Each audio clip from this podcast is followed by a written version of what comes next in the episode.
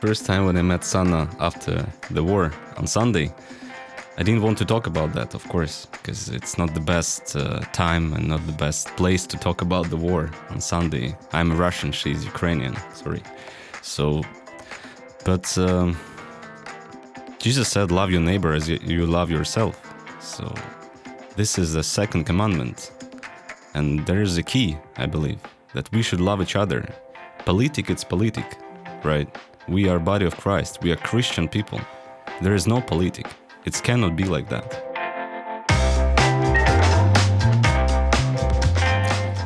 Denne sendepodden skulle egentlig handle om et annet tema.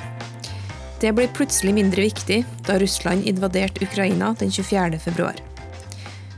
Fra nyhetsbildet får vi analyser og storpolitikk. Vi hører at bombene faller, at byer beleires, at soldater slåss, at kvinner og barn får flykte mens mennene må bli igjen og kjempe. Vi får med oss det store bildet. Men hvordan er det å være russer og ukrainer nå? Hvordan ser situasjonen ut sett med deres øyne? Vi har mange kristne søsken både fra Ukraina og Russland, og i denne episoden skal vi få høre fra to av dem. Sammen med leder i Kristent Fellesskap Tromsø, Rune Ørnes, snakker vi med Sanna fra Ukraina og Peter fra Russland. To mennesker i menigheten i Tromsø som er nært på konflikten vi nå ser utspille seg. Hvordan forholder de seg til hverandre etter at Russland invaderte Ukraina? Hvordan går det med familie og venner som fortsatt er i hjemlandene? Kan vi få et innblikk i hva de gjennomgår, og hvordan livene deres ser ut nå? Rune har god kontakt med kristne søsken både i Ukraina og Russland. Hvordan ser virkeligheten ut hos dem? Hvordan kan vi holde på enheten i at vi først og fremst er Guds folk, når krigen vil at vi skal skape fiendebilder av hverandre? Her er Sendepodden.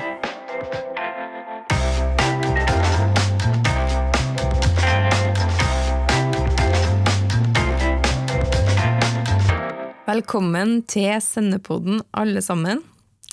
Dette er første gangen jeg har tre gjester i studio. Og jeg sitter i Trondheim, og dere sitter i Tromsø.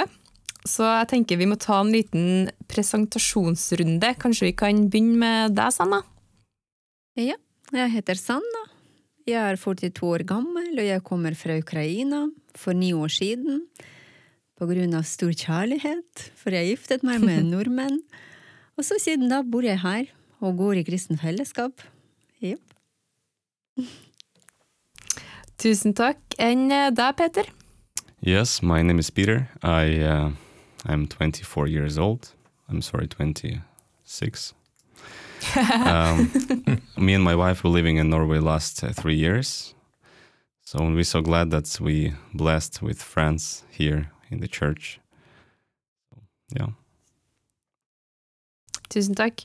Bare til info så kommer Peter til å snakke engelsk, og vi andre til å snakke norsk, for han skjønner oss uh, veldig godt. Og vi skjønner han. Yes. Og du Rune, du er jo et eh, kjent fjes for oss i Kristent Fellesskap. Ja. Kan, kan du si litt om hvem du er, Lal? Ja, jeg heter Rune Ørnes, jeg er gift med Rita. Fire barn. Eh, ett barnebarn og ett til på vei. Bor i Tromsø og ja, er med og leder menigheter i, i Kristent Fellesskap i Tromsø, og besøker en del andre menigheter. Takk skal dere ha. Eh, jeg kommer til å snakke med Sanna og Peter først, og så kommer du inn i samtalen litt senere, Rune. Det er et alvorlig bakteppe vi har for denne samtalen. Eh, for den 24. februar invaderte Russland Ukraina, og i dagene som har fulgt, så har konflikten eskalert. Og jeg tenkte å begynne med deg, Sanna. Hva er det som skjer i Ukraina nå, og har du kontakt med noen der? Ja, det skjer krig. Og så har jeg selvfølgelig kontakt med mine venner, og så foreldrene mine bor fremdeles der. Og det skjer veldig mye, og skjer veldig fort. Og så flere folk har panikk, flere har eh, frykt. Noen vil rømme fra landet, noen vil eh, roe seg ned og bare vente hva som skjer videre. Men som eksempel kan jeg fortelle at foreldrene mine bor i en liten by, og så de har det veldig bra. De har trygt og godt, og det er ikke noe sånn krig rundt dem. Men jeg har flere venner i store byer i som Kiev, Kharkiv, Lviv og Krim, blant annet. Og der er det veldig urolig, og den verste er i Kharkiv. For mm. Jeg hadde nylig samtale med venninna mi fra Kharkiv, og så sa hun at 60% av byen er ødelagt. Alt blir bombet, og de, hver tiende minutter må de høre de sirener, sirener, og må de i kjelleren eller i bomberommet. Og de er veldig lei, og de er veldig slitne av situasjonen. Og så, så hun, hun sa hun hadde panikk, og mannen hennes fikk panikk. Og så har de rett å rømme fra byen, fordi det er for seint.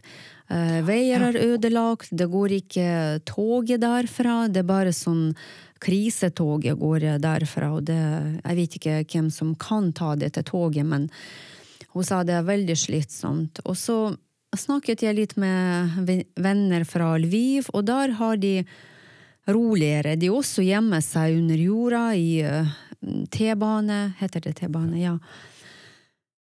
Uh, men mm. Kiev er også veldig um, bombet på en måte. Men uh, Kiev er en stor by, og så det er flere som har mulighet å gjemme seg. Det er flere, tror kanskje halv million, som rømte allerede fra Kiev per dags dato. Mm. Uh, og de fleste er selvfølgelig kvinner med barn, eller barn, for uh, menn vil være der og skal kjempe mot fiende. Det, det, er det som jeg liker med ukrainere. At de rømmer ikke fra landet, men skal kjempe for sitt land. Ja. Det er jo veldig brutalt, da. Veldig. Og lett å sette seg inn i Det er lett å sette seg inn i Det kunne ha vært meg med mine tre døtre som hadde måttet mm. flykte, liksom. Men hvordan, hvordan går det inn på deg når du snakker med vennene dine, og er, du er jo trygg her? Eh, hva tenker du om det? Først og fremst eh, tilbyr vi alle hjelp, selvfølgelig, uansett hjelp. Det kan være penger, og jeg spør alle som jeg kjenner, kan vi hjelpe med noe? Kan vi hjelpe herfra? Jeg forstår vi kan ikke hjelpe fysisk, men vi kan hjelpe både med bønn. Alle vil ha bønn. Eh, mm. Alle vil overleve, alle vil ha sine barn eh, på en måte uten skader. At det skal ikke skje noe med barn, for alle vil beskytte sine barn og sine familier. Og så uh, snakke, og så snakke bare å lufte og kaste ut det de har på hjertet, og dele det de har, den, den mareriten de har hver dag. Det hjelper veldig mye. Og så, De er veldig takknemlige at jeg husker dem, for jeg bor jo her ni år i, i Norge, og så um, De er veldig takknemlige at det er noen som prøver å hjelpe dem, uansett hjelp. Ja. ja. Enn uh, Takk skal du ha, Sanna. Um, enn uh, i, Russland, Peter, der uh, snakker du med venner og familie der. Hvordan, hvordan har de det der? Yes, quite often we have a talk with our relatives, friends in Russia. To be honest, people are, I would say, uh, calm because they are not in the war, right? There is no war in Russia, to be honest and it's uh, it takes time to understand what really happened for those who are in Russia. And uh, I believe it will take maybe a few weeks, few months more after the sanctions and uh, how the consequences, what Russia did, it will come. And it will take time for people to understand what it will cost for them. So it's really hard to talk with people because from this side in Norway, I can see that. I can see what happened. I have my opinion about that and uh, propaganda works very well. This is what I would say in Russia, and yeah, um, yeah. yeah. It's hard to talk so about that because I feel so uh, sorry, and I feel partly a responsibility for what happened. Ja. Men det er jo ikke din uh, Jeg skjønner at du føler det, men, uh, men det er jo ikke din krig. Yeah. Right. Mm. Um, er det noe Altså, vi hører jo om russere i Norge som opplever å bli litt hetsa fordi at man er russer og opplever vonde ord og Har du opplevd noe sånt? Um, it's hard to say because it's just one week, and uh, yeah. But from the first time when uh, this news came, I felt that my colleagues were maybe they took they they, they took a distance. They started to keep a mm. distance. I felt that. Mm. Not all of mm. them, but uh, some of them. Most of them, I would say. So, but nothing more for now. I think, to be honest as well, I think it will come. It will be Yeah. anyway. Hva vil du at folk skal si? Eller sånn, det kan jo være vanskelig som nordmann å møte en russer og bare Og så er den store elefanten i rommet er liksom krigen. Hvordan kan man på en måte bryte eh, isen? Eh, hva tenker du er lurest å si i møte med deg? Uh, at work, basically, we're talking about everything. Uh, we could talk about family life, and uh, I believe when you are at work, you it's a best way to start conversation and to make it more smoother. It's talk about work. you know, to share your Start with that. experience. yeah, Ja. yeah, share about family life, and uh, yeah, just try to avoid uh, negative negative conversations.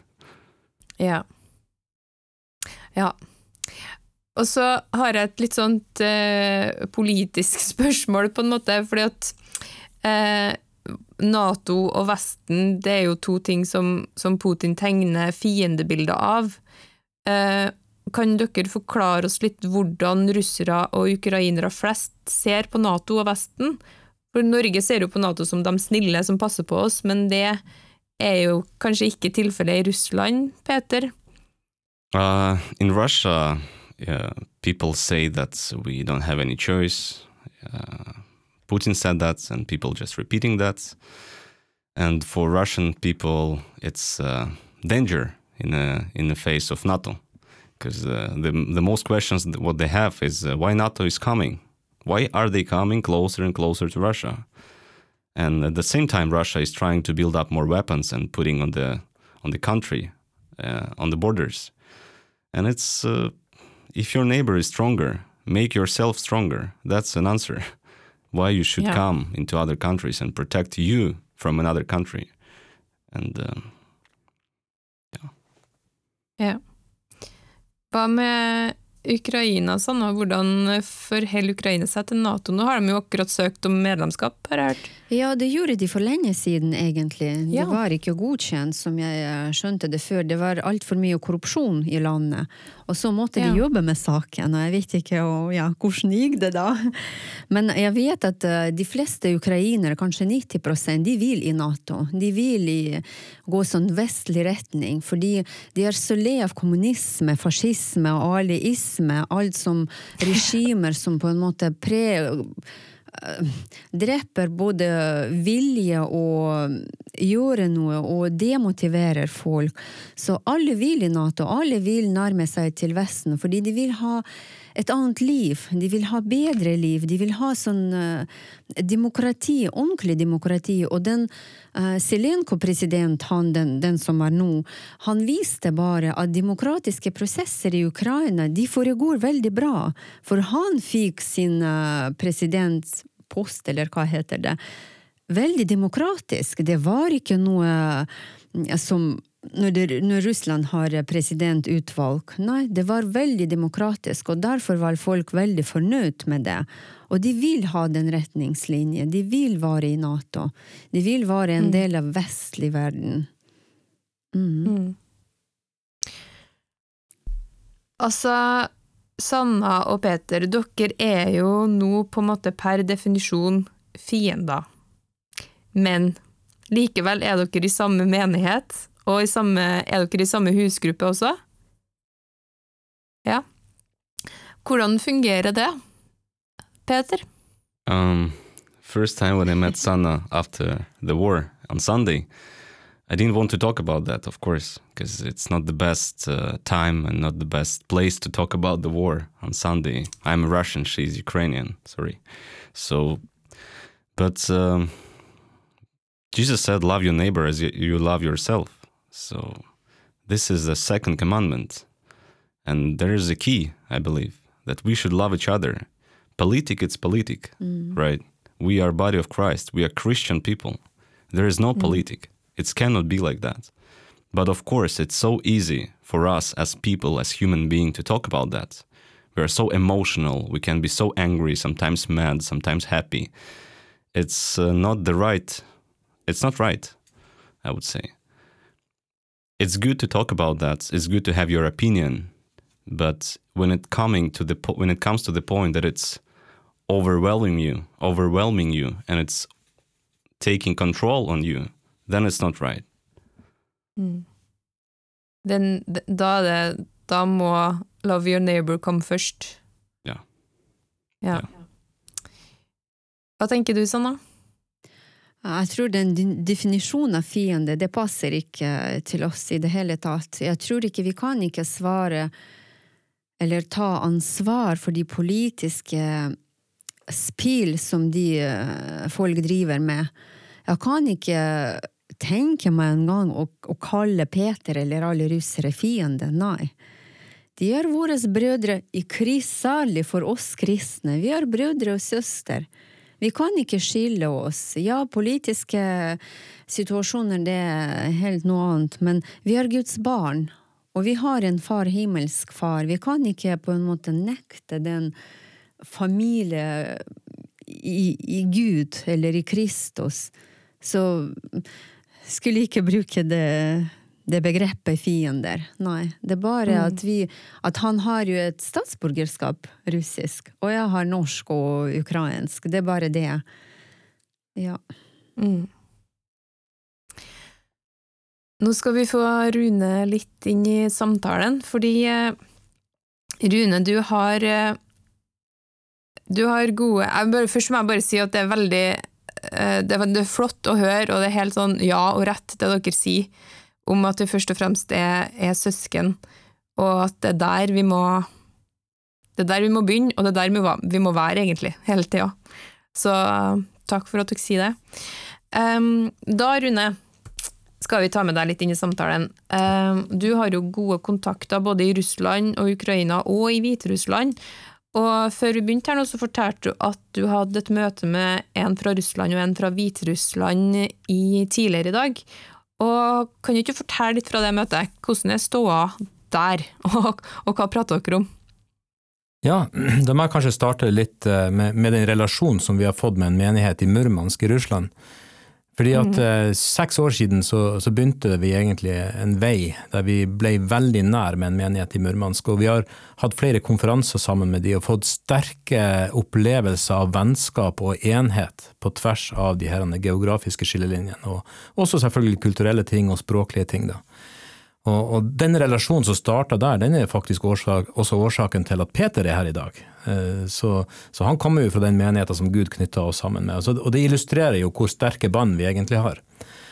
Og Basert på den relasjonen der, da, så har vi som sagt hatt noen konferanser, og vi, vi etablerte en konferanse som vi kalte for Stronger and Closer. Og Den hadde vi for snart tre år siden i Tromsø, og den var, den var meint at vi skulle ha den eh, årlig. Av covid så ble det ikke det. Men den var planlagt å skulle ha igjen dette, dette året her, altså august 2022. Og um, på grunn av den konferansen så, vi, så har vi da telefonsamtaler eller sånne nettsamtaler med folk både i Finland og i, i Russland, også her i Norge. Og, og, en av de som er i Finland og er, og er med i, i den arrangørgruppa, han er hviterusser. Så i dag tidlig så hadde jeg da en samtale med Aleksej fra Murmansk, og så Andrej som er hviterusser, og, og to finner, og så meg, da. Og det var en veldig spesiell opplevelse, fordi at eh, det her er første gang vi snakka sammen etter at krigen brøt ut. Og jeg sendte melding til de i går og sa brødre, skal vi snakkes i morgen? Og alle var enige, ja, det må vi gjøre. Og vi, vi starta ut bare med å, å konstatere det at Guds folk skal stå sammen uansett, og at uansett hva slags politikk man fører, så er man imot aggressiv krigføring. Vi var enige om at vi må be til Gud om at krigen skal ende. Og så måtte vi samtidig be til Gud for Guds folk, at ikke Guds folk skal bli splitta. Og så snakket vi om denne konferansen som egentlig var planlagt Stronger and Closer, og vi ser at vi antageligvis blir nødt til å kansellere den i år.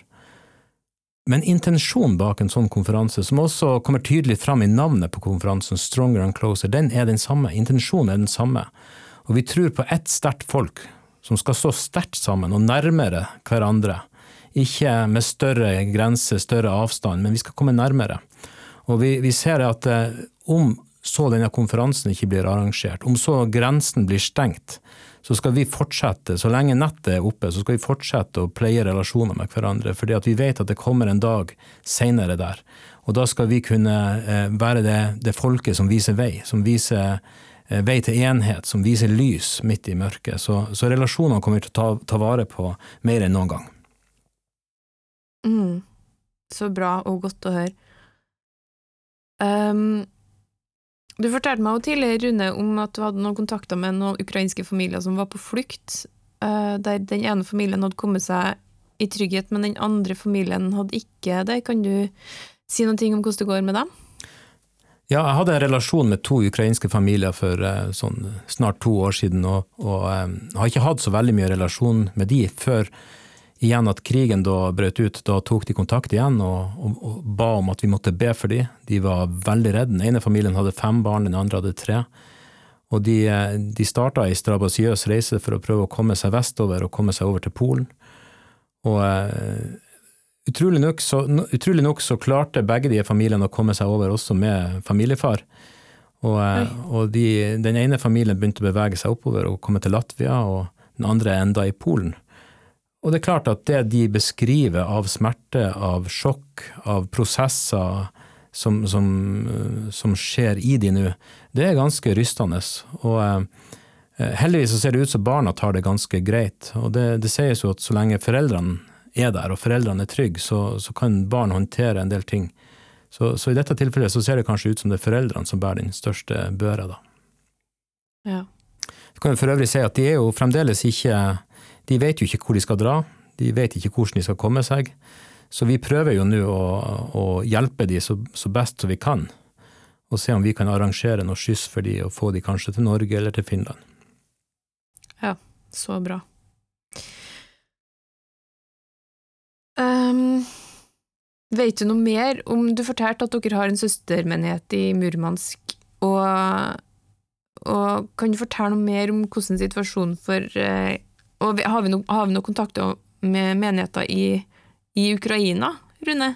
Vet vi noe om hvordan det står til med kristne i Ukraina? Vi vet jo at det er veldig mange norske som har kontakt med de ukrainske menighetene, kanskje spesielt i forhold til Ungdom i oppdrag. Eh, personlig har ikke jeg spesielt mye informasjon derifra. Men jeg, jeg hører fra forskjellige kilder da at, eh, at det er mange helter der mange som står på nå for å være med og hjelpe i, i møte med den flyktningstrømmen som kommer. Og eh, det er folk som med, med, med, fare for eget liv, så tjener de andre. Og det syns jeg er fantastisk godt å høre, og vi trenger å be for de og løfte de fram. Og så da at de skal berge livet.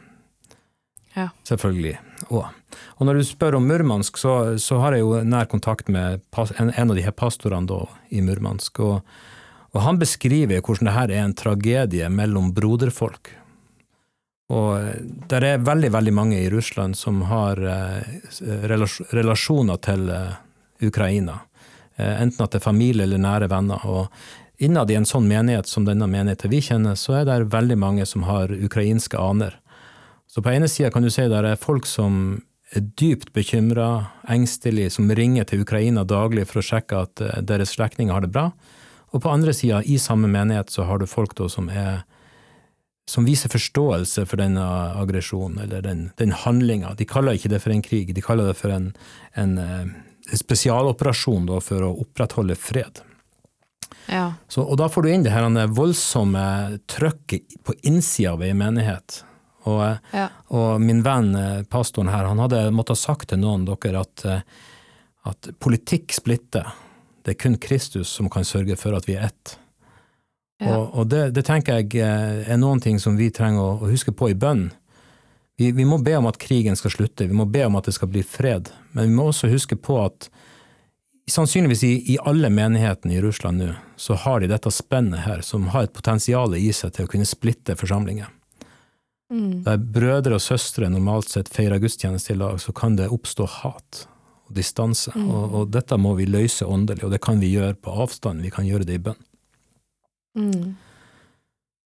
Men så sier han også til meg at, eh, at, eh, vi i Vesten trenger å vite at alle menigheter nå i Russland, eh, samdrektig, og de, de løfter fram at vi ber om fred.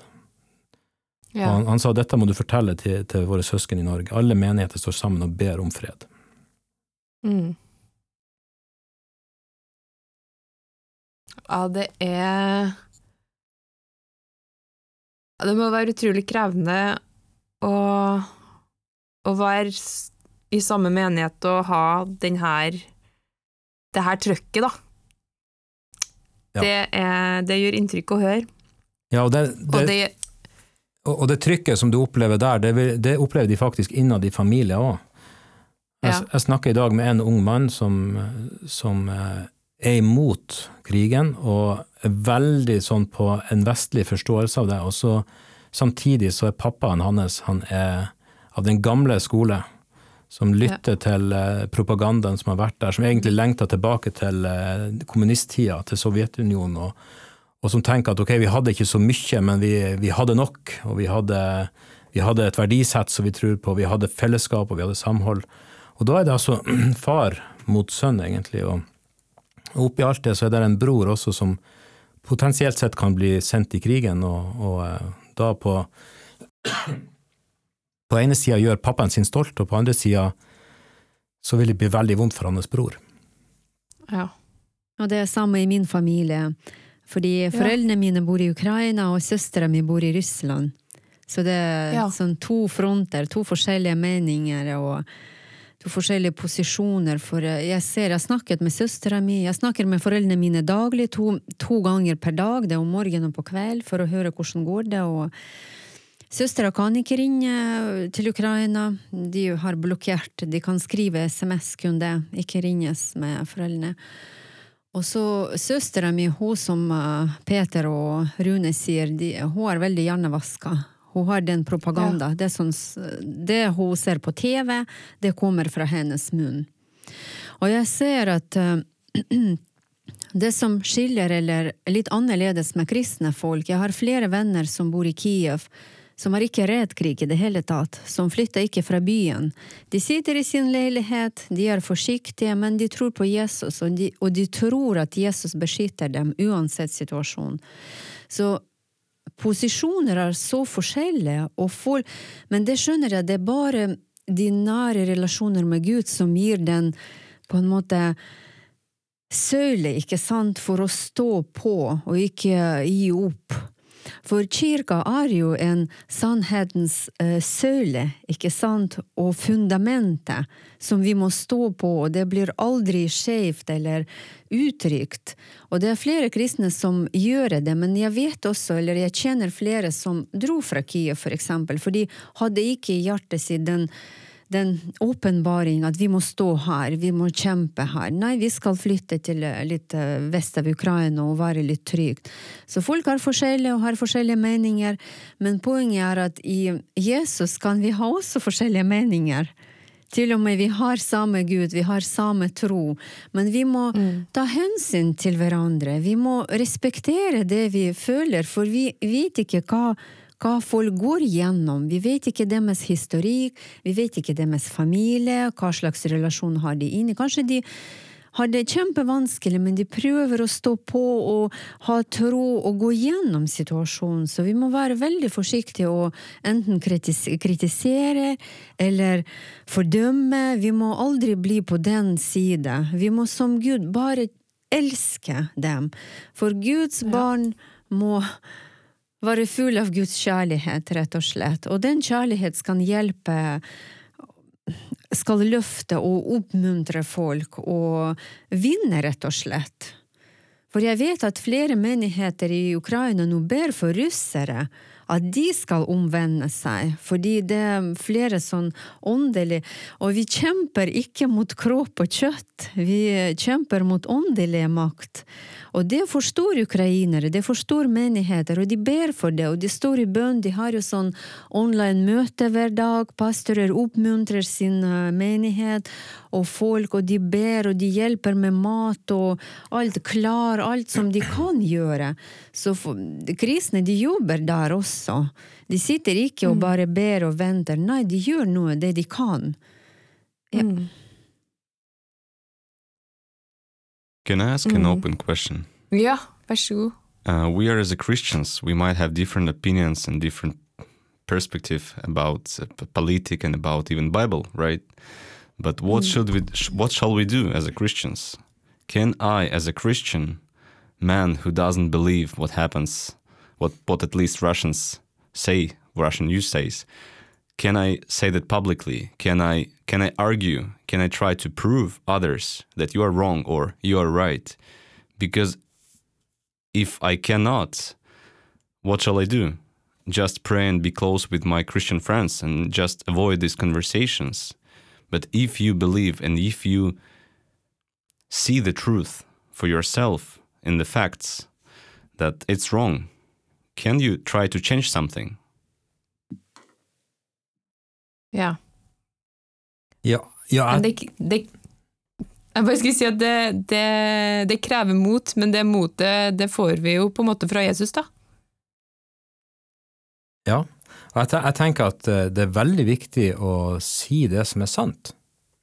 Ja. Så som kristne så er vi forplikta til å si det som er sant. Men man må være vis, man må ha visdom i kommunikasjon, for det må bygges en kommunikasjonsbro som gjør at man kan nå den andre. For hvis man bare kaster ut sterke, harde argumenter da, i harde ordelag, så ender vi opp med til slutt å forbanne hverandre. Så man må, man må bygge den kommunikasjonsbroa, tror jeg, og så må man prøve å opplyse hverandre. Og så må man også be til Gud, for jeg tror det er litt som hos Sanna sa her i stad, hun sa det at vi har ikke en kamp imot kjøtt og blod. Jeg tror det at eh, det er åndskrefter, det er demoniske krefter som vil bruke denne situasjonen her til å sette bror opp mot bror. Og da, da, da må vi løse det med kjærlighet, så vi må kunne, kunne kommunisere med hverandre i kjærlighet. Why I asked, sorry, because I feel and I know that uh, many Christians they started to post out on Instagram, "We praying for Ukraine, stop the war, stop the war," and some of them feel ashamed. They f- this they getting different text messages. What are you doing? Why are you doing this? What you reading? What news you reading? And that's why I'm asking. So if I want to change something, if I want to change the way of thinking of my friends, of my relatives, because it's it's it's their choice to believe, but it's my my rights to say them what I think, right? So that's why I asked this question. Jeg syns at man kan gjøre sånne ting. Hvis du føler det i hjertet ditt at nå skal jeg poste det og det, og jeg vil si sannhet. For det står jo i 1. Timoteos 3,15 eh, hvordan en skal ferdes i Guds hus, som er den levende Guds menighet, sannhetens søle og grunnvoll. Hvis du føler at det er noe som sannhet, som fundament, Guds fundamentet, du må ikke være rett å si ifra. Og Norge er fritt land. Alle vi har eh, mulighet å si ifra det vi føler, det vi ønsker til å dele, og særlig i sånne situasjoner. Ikke for å For når du sier noe Du, du har jo nesten sånn nøytralitet, heter det. Du, du går ikke mot eh, eh, Putin direkte, du går ikke mot Ukraina direkte, men det er din mening, og du syns du, du har du har lov å dele det, og ikke være rett, og det finnes bestandig motstand, det blir jo stygge kommentarer uansett hva man poster. Ja. Ja, og når du sier sannheter, så kan det provosere folk til også å søke sannhet sjøl. ja. Så det er viktig å si fra. Mm. Veldig interessante refleksjoner og samtale her, altså. Um, Rune, du snakka om at, at menighetene og Sanna kan være sannhetens søyler og, og lys i mørket som nå brer seg utover. Um, hvordan, på hvilke måter kan, kan menigheter både i Russland og Ukraina og Norge egentlig være lys i den situasjonen som vi er i nå? På, på veldig mange forskjellige måter tenker at vi kan være det. Og vi er jo velsigna med å være en del av et land som, som har det som en grunnverdi at man ønsker å hjelpe. Så, så vi vil jo fort spille på lag med veldig mange organisasjoner hvis vi strekker hender ut og ønsker å gi praktisk hjelp. Men, men det er andre ting vi også kan gjøre, og, og annet dette spørsmålet som du stilte Peter i stad.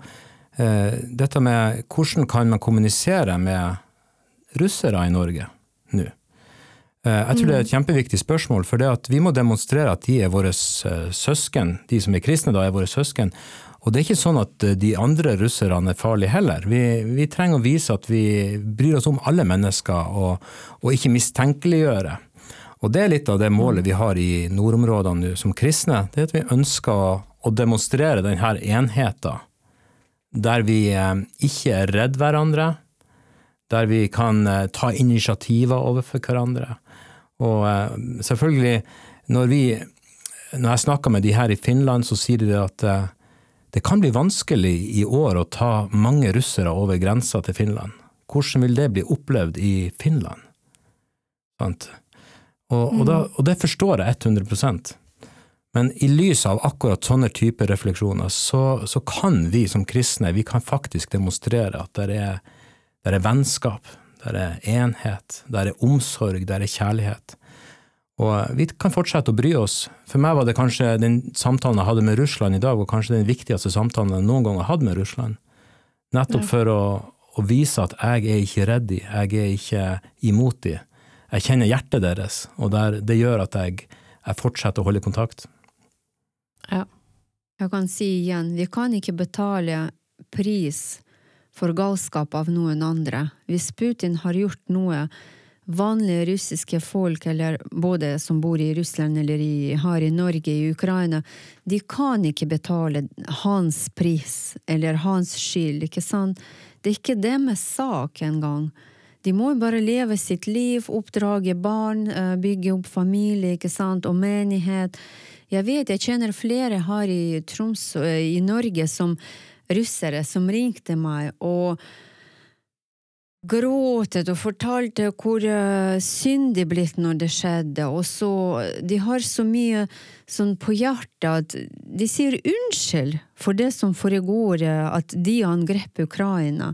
Og jeg forstår det ikke deres skyld, men de har jo hjertet. De har den store mm. hjertet, og det er ikke alle kristne som ringte meg. Det er flere vanlige folk som uh, føler med situasjonen, og som ville bare støtte og si ifra at vi vet at det skjedde noe, og vi vil støtte deg, og vi vil støtte din familie, og vi unnskylder veldig mye for den galskapen som foregår i Russland. Så folk er mm. veldig forskjellige, så vi kan ikke skille. Og vi kan ikke på en måte I dag hørte jeg han statsministeren vår uh, som sier at vi må unngå situasjonen at russiske barna blir mobbet på skolen fordi de er russere, og det er ikke deres skyld, de ble født i Norge, de er norske barn. Det er bare mm. det er deres språk, mamma, morsmål deres. Og jeg snakker med sønnen min på russisk. Jeg, aldri, jeg skal aldri slutte å snakke russisk med han, for det er vårt språk. Det er noe som uh, han på en måte um, Uh, han assosiasjon med meg, ikke sant? Mamma og russisk. Det betyr ikke at jeg er russer i, i min kropp og ånd, nei, men vi har jo bare sånn russisk språk, rett og slett. Ja. Mm. Mm. Vi skal begynne å gå mot en uh, avslutning her. Um, men jeg må bare spørre et siste spørsmål, og det er jo at vi, vi som er kristne, vi tror jo at Gud har kontroll. og så ser vi at det her skjer. Eh, hvordan i all verden kan Gud ha kontroll i denne kaotiske situasjonen, og, og hva betyr det egentlig at han har kontroll? Ordet fritt. ja. Jeg har et veldig godt skrivsted, Romerne, Romerne 8, 14, 15. Der står alle som drives av Guds ånd, er Guds barn. Dere har ikke fått den ånden som slavene har så dere igjen skulle være redde. Nei, dere har fått Ånden som gir rett til å være Guds barn, den som gjør at vi roper Abba, far. Og det betyr at far har kontroll eh, over sine barn og situasjonen, men ofte i konfliktsituasjoner glemmer vi at det finnes devil også, som kom for å stjele, ødelegge og drepe folk. Og ofte roper folk til Gud, hvor er du, Hva, hvorfor gjør du ikke noe? Men Gud er med oss. De som tror på Gud, de som roper Abba, far, de får svar. Gud beskytter alle. Det er så mange vitnesbyrd der folk kan fortelle hvordan på en mystisk måte ble de beskyttet, at raketter traff ikke dem, eller det skjedde noe som de følte det var Gud eller hans engler som beskyttet dem. Så det er viktig at vi føler oss på med Guds ord, for jo mer Guds ord og fred blir i vårt hjerte, jo lettere blir det å kjempe eller gå gjennom situasjonen. Vi må aldri glemme Gud som vår kilde den viktigste hovedkilde. Mm. Noen flere som har lyst til å, å si noen ting? Altså, vi, vi, vet jo at vi har en fiende, som Sanna sier, og vi ser jo at verden er i opprør. Og de som er i opprør, de er jo likevel underlagt Guds autoritet. Men, men likevel så merker vi konsekvensen av det opprøret. Og da er det, da er det at vi vet at slutt, slutt, ved slutten, altså ved endepunktet på det her, så vil det til syvende og sist bli sånn som Gud vil ha det. Og så vet vi også at Gud er med alle sine barn, alle dager, og vil gjøre store og små mirakler for den enkelte som roper til Han. Men at vi må akseptere å stå i denne opprørte verden akkurat nå, og akseptere at det skjer ting som er uforståelig for oss, og at folk som vi bryr oss om, går igjennom en umenneskelig smerte, det, det må man på en måte bare forsone seg med. Og, frem, og, fremdeles må vi stå fast på at Gud har kontroll, og at endepunktet det er Han som rår med, og at midt i smerten så er Gud med oss. Ja, for det er jo ikke noe nytt at verden er forferdelig, liksom. Nei. det, det er sant. Det, ja. Nå har det bare kommet litt sånn ekstra nærme. Hvis vi husker også eh, andre verdenskrig, der jødere de var jo i getto, ikke sant, de ble så mye torturert, men de mistet ikke den tro de hadde på Gud, og det er det som ga dem et håp at krig skal slutte en dag, og de skal bygge opp landet igjen, og de skal leve og prise Gud. Det, det må vi på en måte ha som et bilde i vårt hode. At vi skal Det blir slutt. Det blir ikke Nei, Gud skal ikke forlate oss, det gjør han aldri. Så han kjemper med oss, og han er med sine engler, han skal hjelpe oss å vinne, og ta bort den demoniske, den åndelige, bort fra alle, både fra Russland, og at alle blir fritt fra det. Ja, amen. Mm. amen. I, just, I just imagine the picture. Uh, we are as a Christians, we are children of God, right? And since I got a kid, uh, when you're not giving to kid the candy, kid doesn't understand why.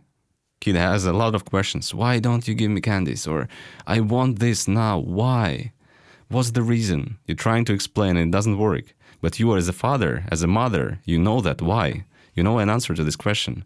And when kid is getting older, then this kid, when this kid getting kids, this kid doing the same things. So it takes time. It takes time for us to understand, and I believe we will understand the deepness of God only when we will come to the heaven. Only then we will see the whole picture, because it's hard to say why. It's hard to say for what reason. We cannot answer to these questions.